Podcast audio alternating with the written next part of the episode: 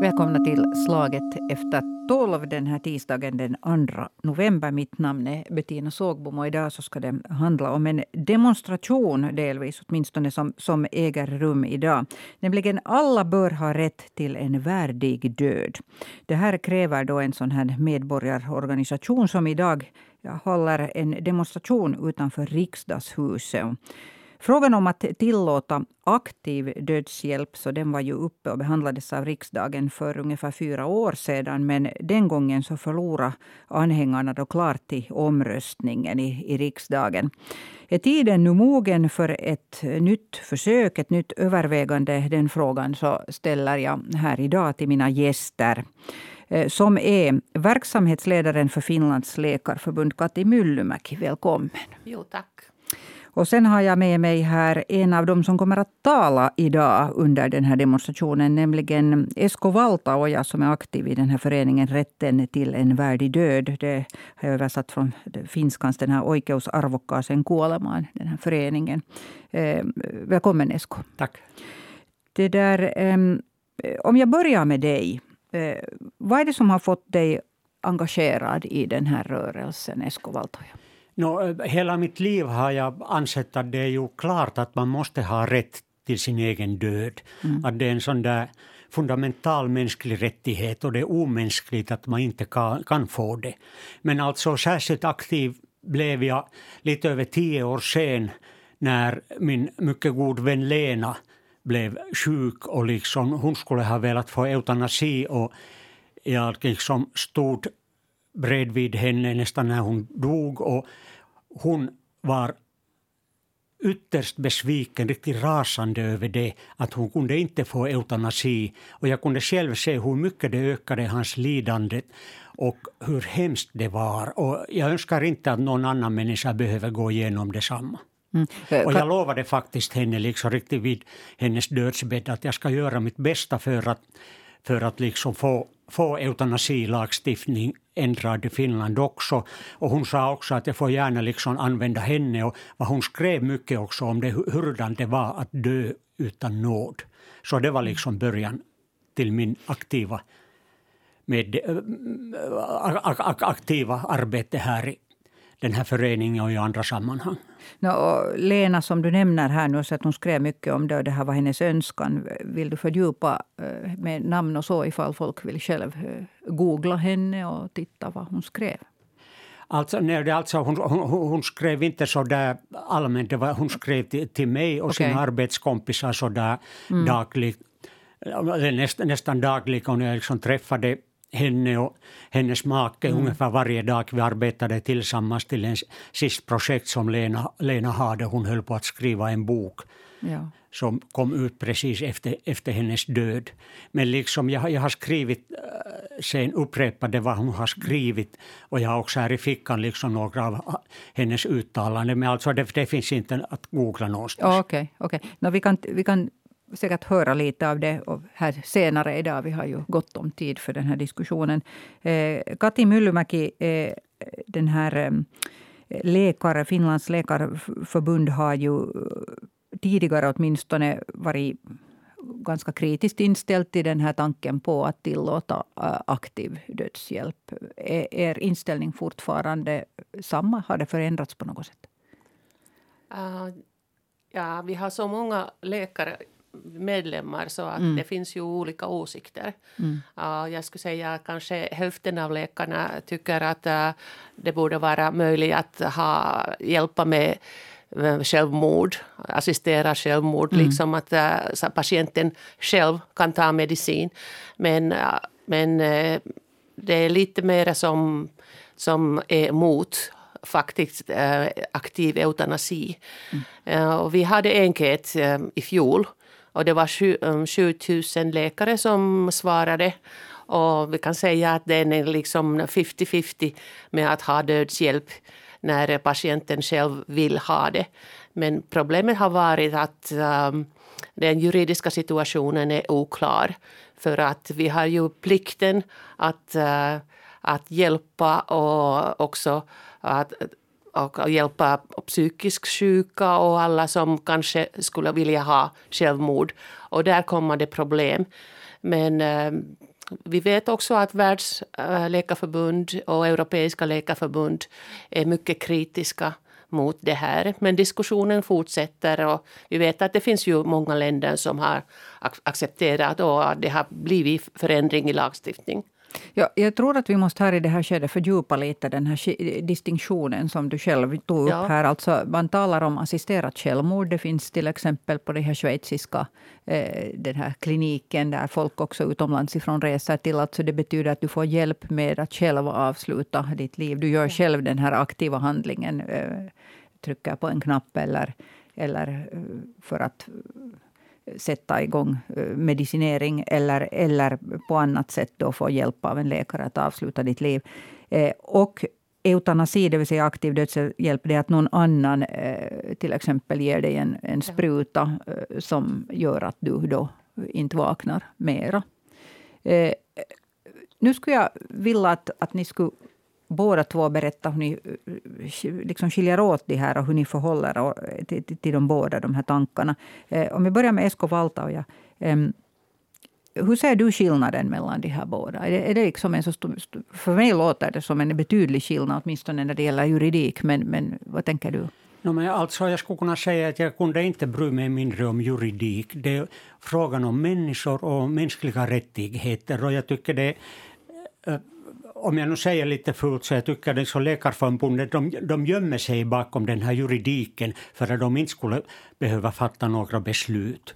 Och eh, det är för den döende, som är den som den gäller, så det, jag tror det gör precis detsamma juridiskt hur det går, bara han eller hon kan få det vad hon vill en bra död. Det är ju vad eutanasi be, betyder.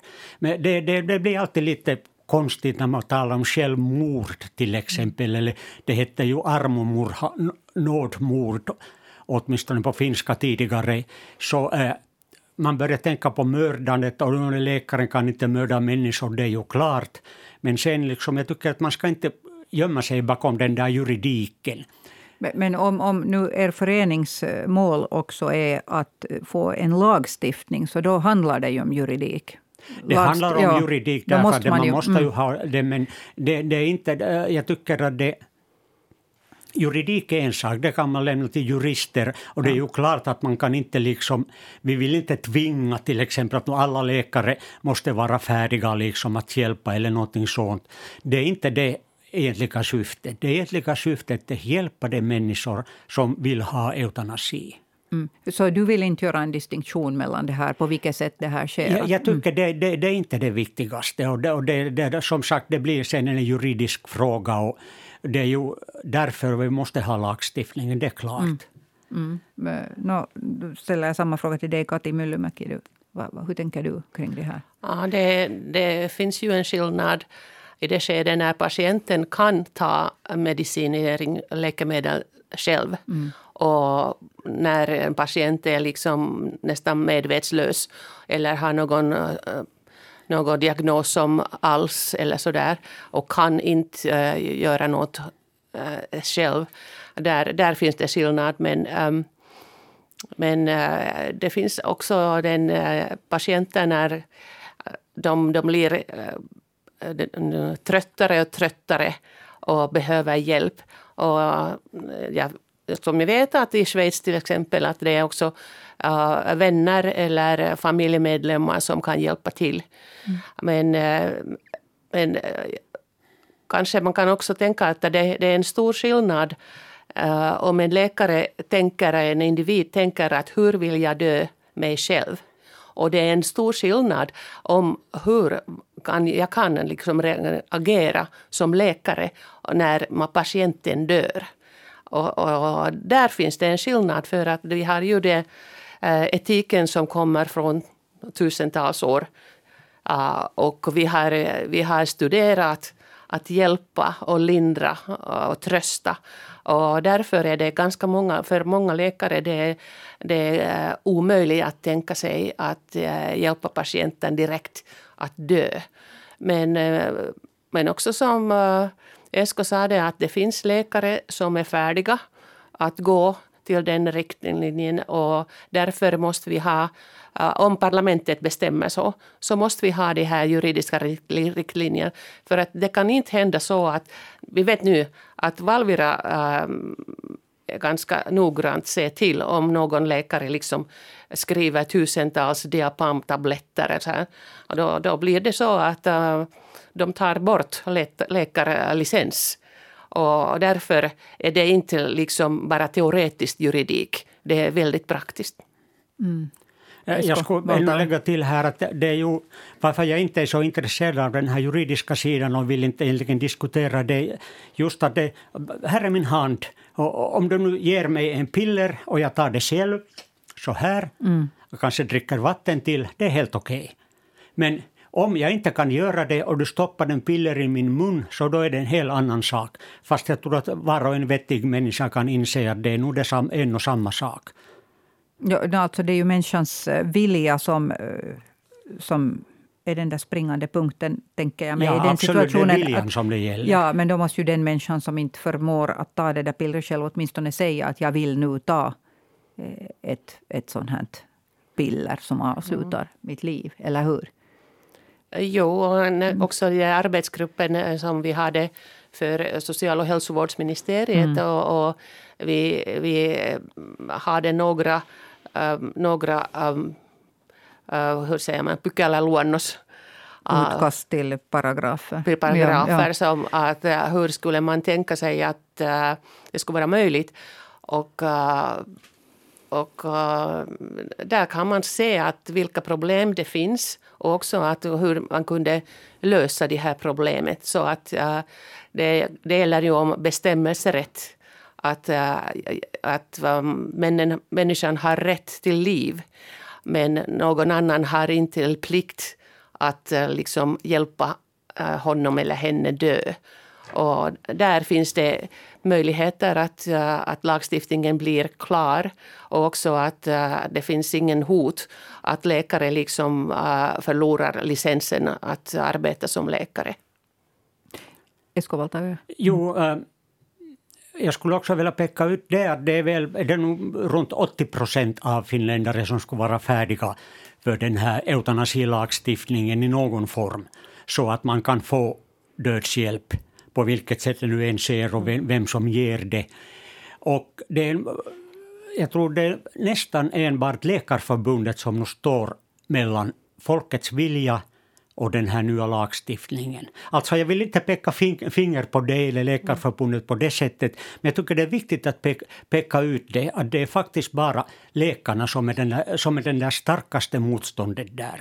Och det är, och jag har mycket svårt liksom att uppfatta det där, för att det står ju, du sa den där Hippokrates ed, eller, ed, ja, ed, jo, Hippokrates, jo, där står ju att det är läkarens plikt att på finska är det lievittää kärsimyksiä. Lindra lidande. Lindra lidanden, jo. Och ibland, om det inte finns något annat sätt, så då är det liksom där eutanasi det enda och det bästa sättet att lindra. Så jag kan inte riktigt fatta liksom hur man kan alltid, alltid säga att det där Hippokrates förbjuder det här.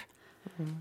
Nej, no, det är inte liksom 100 procent vi, vi tittar på Hippokrates, det är ännu lite längre sen. Men, men det att vi har lärt oss att äh, liksom respektera livet. Och det, det ligger väldigt djupt i liksom min professionella, uh, hur jag ser mig själv, själv som en läkare. Och så att jag, jag kan säga att i läkarkåren det finns ganska många som absolut är emot. Och det finns många som säger att det finns kanske några få patienter de skulle be, som kunde behöva det här. Så att äh, läkarkåren är fördelad. Mm.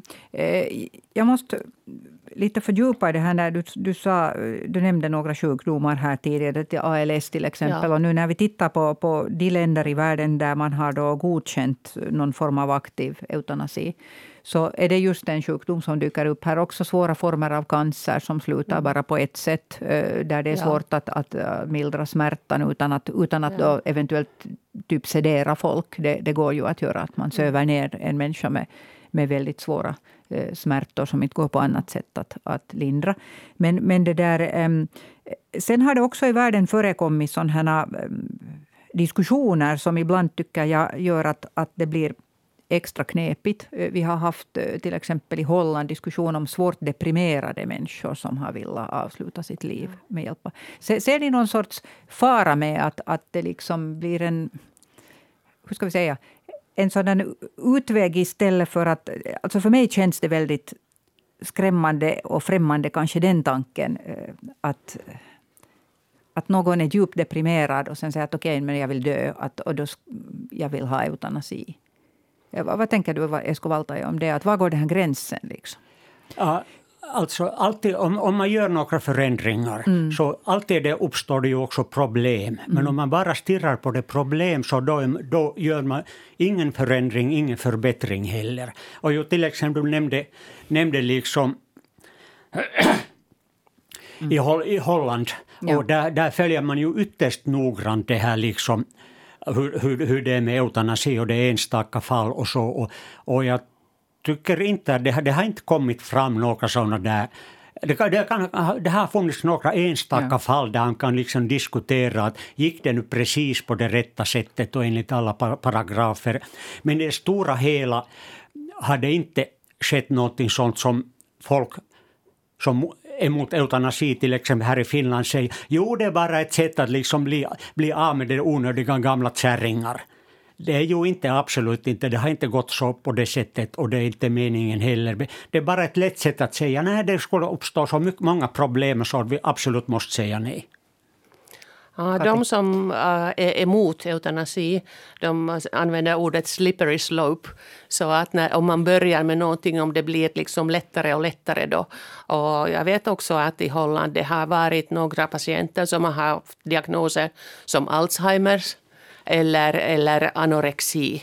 Och då, då är det lite annorlunda än de här eh, väldigt äh, pinsamma eller, eller smärtsamma mm. diagnoser som cancer. Som, eller, eller så att också expertgruppen vi diskuterade att det skulle mena att människorna, patienter som har döden kommande väldigt nära, liksom kanske några månader fram. Att det är inte någon ung människa som har något besvärligt eller invalider eller så. Att också äh, ganska många som representerar Vammaisjärjestö, vad heter det? Eh, för olika föreningar för, för handikappade. Handikappade, ja. ja. Och mm. de har frågat att om det här betyder att deras livsvärde är inte, inte så stor som alla andras. Och, och, och den typen av diskussion um, går också överallt i, i länder när de diskuterar om eutanasi. Men det kanske um, betyder att, att uh, människorna också är rädda för det här. Rädda för vad då? Rädda för? Att, för eutanasin, att det kommer och hur bred man, man kunde använda det.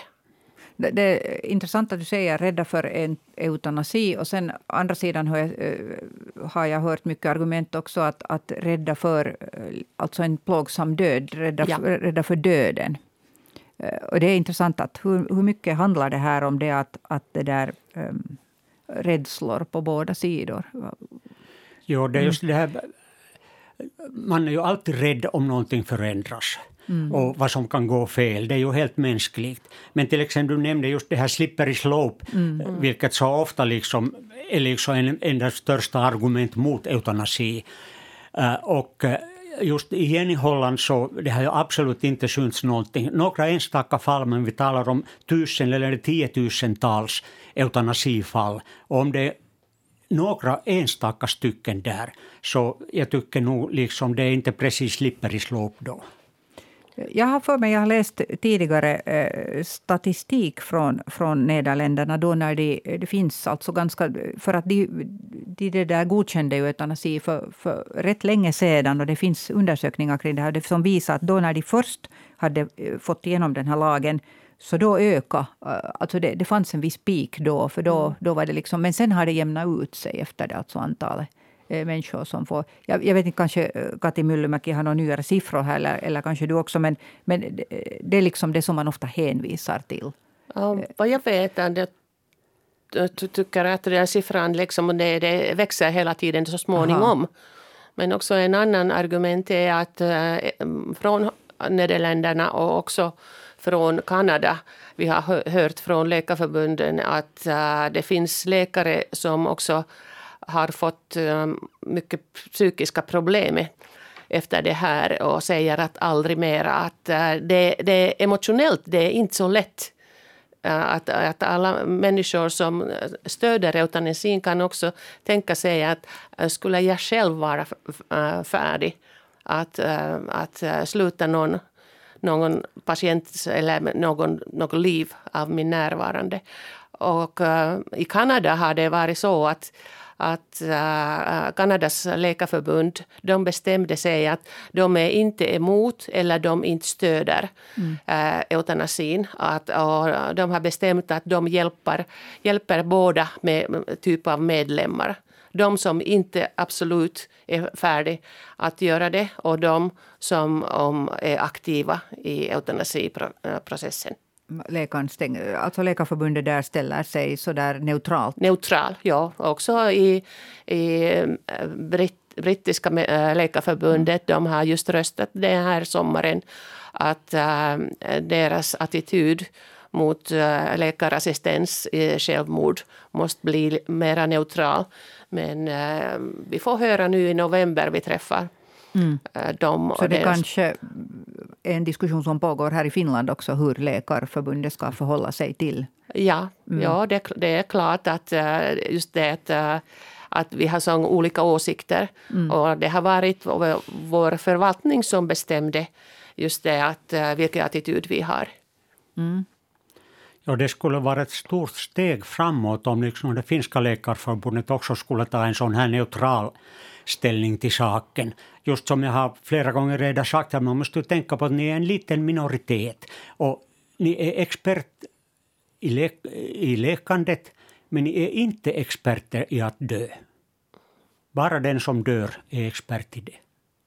Mm tystnad råder. Ja, jag, jag jo, vill du men, svara? men också det, jag kommer lite närmare del eh, farmakologin nu. Att eh, i Finland vi har inte läkemedel som är registrerade för att, eh, för att uh, ta livet av en människa. Och i, i Nederländerna, jag vet att de har uh, de har jobbat väldigt noggrant. De har faktiskt gängse vård rekommendationer vilka läkemedel och vilken dosis. Och, och det, det, är också det är en väldigt praktisk fråga men det måste, vara, eh, det måste fungera bra för att eh, inte kan vi ha en process som liksom, att det blir mera lidande för patienten som är kommer att dö. Men är det inte ett faktum att i sjukvården idag också, när det är fråga om väldigt sjuka människor, så, så är det ändå en balansgång hela tiden, att hur mycket medicin du ger åt en riktigt sjuk människa. Alltså, alla vet att om du ska ge tillräckligt mycket smärtmedicin till någon som har väldigt mycket smärta, mm. så i något skede kanske du ger för mycket och så mm. dör eh, patienten, som ändå håller på att dö. Alltså dör på grund av att den får för mycket medicin. Så det har jag uppfattat när jag har talat med, med folk som, som jobbar eh, inom vården.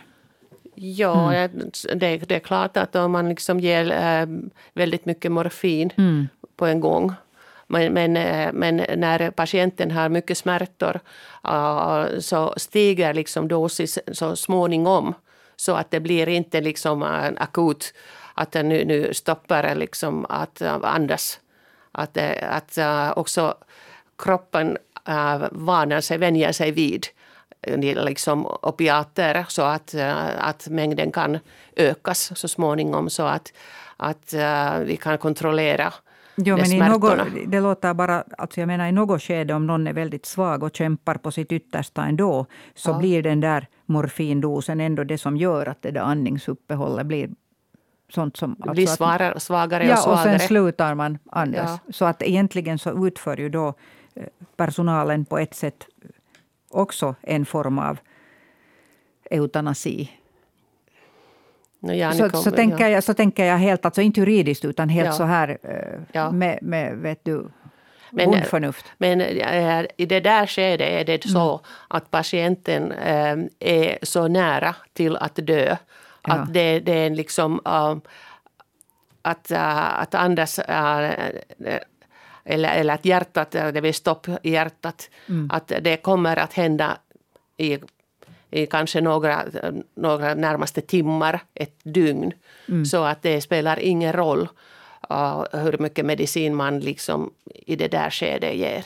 Ja, nej, jag vet inte om, om, om, ni förstår vad jag far efter här. Jag menar det att det är som att dra ett streck i sanden eller i, i, i vattnet, eller hur man nu säger. Så att det är väldigt svårt att dra den där distinktionen för att när man jag vet inte, för, förstår du, Esko Valtaoja, vad jag, vad jag är ute efter här? Mm. nej, jag, jag, jag lite liksom undrar här, också här i den här diskussionen, vi diskuterar detaljer och möjliga problem och så mm. vidare.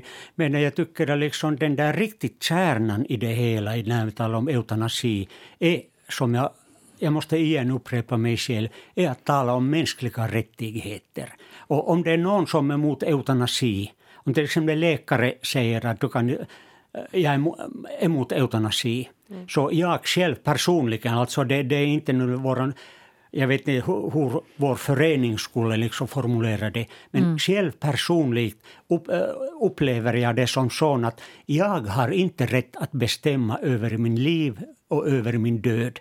Men du, läkaren, har rätt att bestämma över min liv och min död. Det som jag uppfattar det liksom den där grundläggande saken när det gäller eutanasi. Vem som har rätt att bestämma över mig. Mm. Eh, jag hade en gång en läkare med i en diskussion, eller jag har gjort flera diskussioner kring eutanasi och, och, och då kommer jag ihåg att han, han det där i något skede utbrast, men ingen förbjuder ju folk att ta livet av sig. Alltså det, det, finns ingen, och ingen säger heller att någon annan inte har rätten att, att ta livet av sig. Så eh, om, om man, de flesta människor skulle säkert hålla med om det här. Det kan hända att, att några väldigt djupt troende människor mm. kanske har argument mot det här. Men annars så skulle väl de flesta säga att om nu någon absolut vill ta sitt eget liv. Så det var därför jag gjorde den här distinktionen här i början. Att jag tror att många har hemskt lätt att, att omfatta den tanken. Men det att någon annan skulle göra det så är en svårare tanke att omfamna eller omfatta. Förstår ni hur jag tänker? Ja, ja, det är just det att, att, att, rätt, att jag har rätten att välja att nu, nu vill jag dö. Mm. Men det betyder inte att någon annan har plikten att uh, hjälpa mig. Och, och, och, därför är det, men också, jag förstår att också i Kanada eller, eller Holland eller Nederländerna att det är inte obligatoriskt för en läkare att vara med. För att äh, för ganska många människor, läkare eller sjuksköterskor, det är en principiell fråga. Eh, det, kallar man det etik eller vad som helst, att, att man kan inte ens tänka sig att vara med. Och det måste man också acceptera. Mm. Jag vet att en av era medlemmar, SK eh, Valtaja, Stefan Wallin, skrev för en tid sedan också en, en opinionstext till, eh, åtminstone ingick den i Vasabladet. Och, och där tog han fram det här också. Betona, alltså han är ju, har ju bakgrund som riksdagsledamot och minister, så att han vet hur det är beslutsfattande. Därför det är viktigt också att prata om de här linjedragningarna och lagstiftning. För att det, om det ska gå lagstiftningsvägen så måste det stå någonting där. Och, och det där, han betonade att, att den lagstiftning ni eh, är ute efter skulle ju uttryckligen vara sådan att den inte tvingar, eh, förpliktar eh, vårdpersonal till att utföra sånt här. Ja, det, också, också det kan vara väldigt äh, svårt också för familjemedlemmar. För att som läkare har jag många gånger sett att, att när en äldre, äldre person kom, kommer att dö så är, så är, så är dottern kanske tycker att nu behövs intensivvård och alla möjliga begrepp och läkemedel och instrument. Uh, och, och, den andra dottern kan säga att nej, nej, nej vi, måste, mm. vi måste uh, låta mamma dö som en naturlig väg. Att, att uh, hon är så gammal och trött och behövs ingenting. Så att, att um, det är inte enkelt eh, heller för familjemedlemmar det här. Mm. Men, jag, men jag, jag, ser nog att uh, det här förändringen går inte uh, genom det, det måste vara diskussionen i parlamentet och alla de här etiska, och juridiska och principiella frågor måste tas upp. Och mm. därefter kan parlamentmedlemmarna fatta beslut, hur det än blir. Jag, jag, förstår det här och tillika så förstår jag att de som känner väldigt starkt för den här saken och engagerar sig i det så tycker att det blir jättetröttsamt. Att jag förstår tillika att det känns frustrerande att, att mm. när, när man kommer med hjärta före och, och, och uppriktigt tänker att man vill lindra eh, människors lidande och sen ska man höra det här eh, diskussionen om juridik och, och paragrafer och, och, och så här. Mm. Jo, det, mm. det, är svårt att inte komma med hjärtat före. Det är mm. ju många som själv har, till exempel i vår förening, som, som har själv sett det att, att en människa lider och man kan inte få hjälp, man kan inte få eutanasi, som liksom har fått dem att ändra opinionen. Juha Hänninen som var chef för den här Terhokoti, mm. han är ju liksom, har varit liksom i spetsen av det här hela nya försöket och ny lagstiftning. Och han var ju var mot eutanasi först, men när han själv såg att det inte fungerar, att vi behöver eutanasi, så började han också som så många andra som har liksom på ett eller annat sätt, annat sätt personligen fått se hur det, hurdant det är när vi inte har eutanasi. Så det är hjärtat kommer först, tror jag, som i så många andra, andra saker. Det är ju klart sen att vi måste ha liksom det där detaljer måste mm. också noggrant diskuteras och liksom lagstiftningen måste finnas. Men jag tror att det för oss som är för eutanasi, det är sist och slutligen det är en hjärtfråga.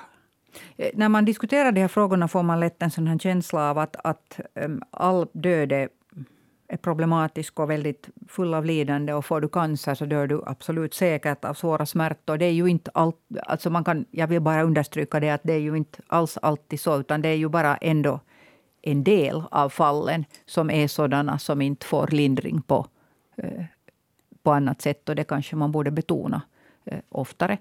Eh, hur, hur, tänker ni på, kring... Alltså, nu vet jag att den här arbetsgruppen som tillsattes efter att det senast var uppe i riksdagen, så satt i flera år och grunnade på det här. nu vet jag att er förening också, ni har varit väldigt missnöjda med det, att det inte sen heller kom någonting efter flera års arbete. Det var hur många sidor. Det var helt otroligt. Alltså den här rapporten är hur många sidor lång, men där, där finns alltså väldigt bra grejer, säger många av, er.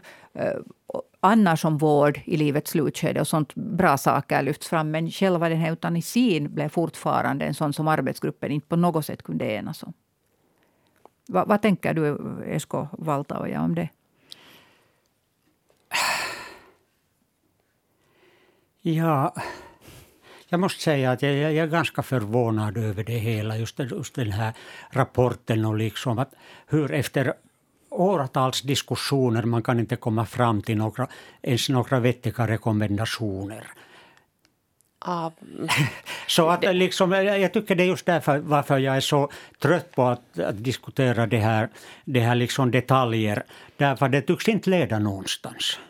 Men, men uh, vi, har, vi hade ju skrivit två olika uh, versioner av lagstiftning hur det kunde vara möjligt att, att skriva. Så att eh, jag, jag tycker att eh, det var inte förgäves vi arbetade för två, tre år.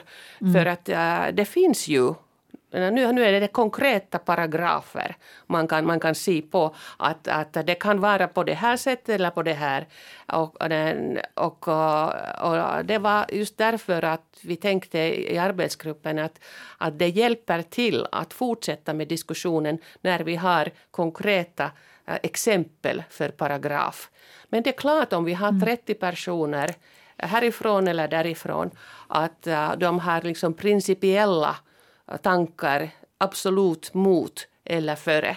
Det hjälper till, även om att diskutera liksom tiotals år.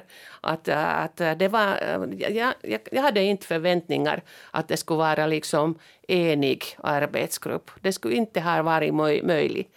Men nu har vi något konkreta exempel som paragraf. Och därifrån kan diskussionen fortsättas och också nu kan också politikerna komma med i diskussionen för att vi har de här paragrafversioner. Mm. Vad, vad tänker du om det, Skovaltaja? Att det är en bra uh, bas för fortsatt diskussion? Jag tror att alla så gott som alla som har varit aktiva inom den här eutanasirörelsen var ytterst besvikna på det här paragrafer och liksom vad liksom den här kommittén lyckades åstadkomma, eller rättare sagt inte åstadkomma någonting. Nu kommer det sen kommitté till efter några år och sen hur många kommittéer behövs det än? Mm. Men det var också äh, ganska många som var besvikna äh, för äh, att äh, de tyckte att det var, det var ofattbara och det var fel att vi även skrev några paragrafer. Så att det, det bara liksom uh, vi det liksom konkretiserar att vi har äh, människogrupper som har absolut så olika uh, attityder och principer. Men jag påpekar igen att om det 80 procent av finländare är för eutanasi, så vad har då en kommitté och en kommittés opinion, om jag nu säger det fult, vad har det för mening? Jag hade inte äh, hela befolkningen där i arbetsgruppen, det är klart. Uh, och, men, äh, och det är klart också att det var inte representativ av liksom finska folket och folkets opinioner. Jo, det var inte politiskt. Det var inte politiska partierna som var med, men eh, de sitter ju där i parlamentet. Men kanske det är det att eh, vi har inte hört från minister Kiuru mm. vad hon, hon tycker om den här rapporten och vad hon kommer att göra med rapporten. Vad blir det? Eller blir det ingenting? Jag tycker att det är nu uh, riktigt en akut fråga. Mm. Vad som händer. Absolut. För att vi, vi skrev något och nu är det i politiska händer. Mm. Eh, ja, avslutningsvis, för tiden tar slut här, så, så skulle jag... Eh, en kort fråga till dig, Kati Myllymäki. Du är ju själv läkare. Eh, har du fått frågan av patienter att kan du inte bara hjälpa mig nu att avsluta mitt lidande? Nej. Aldrig? Nej. Nej. Okay. Och jag, har, jag, har, jag har arbetat ganska mycket också med äh, åldringar och också har jobbat med äh, cancerpatienter. Och också min mamma har det av cancer. Och det är bara två år sedan min pappa dog. Mm. Och vi var med. Och, och, och döende kan vara svår. Mm. Men äh, inte, inte även min mamma eller pappa bad om att vi skulle hjälpa dem dö. Mm.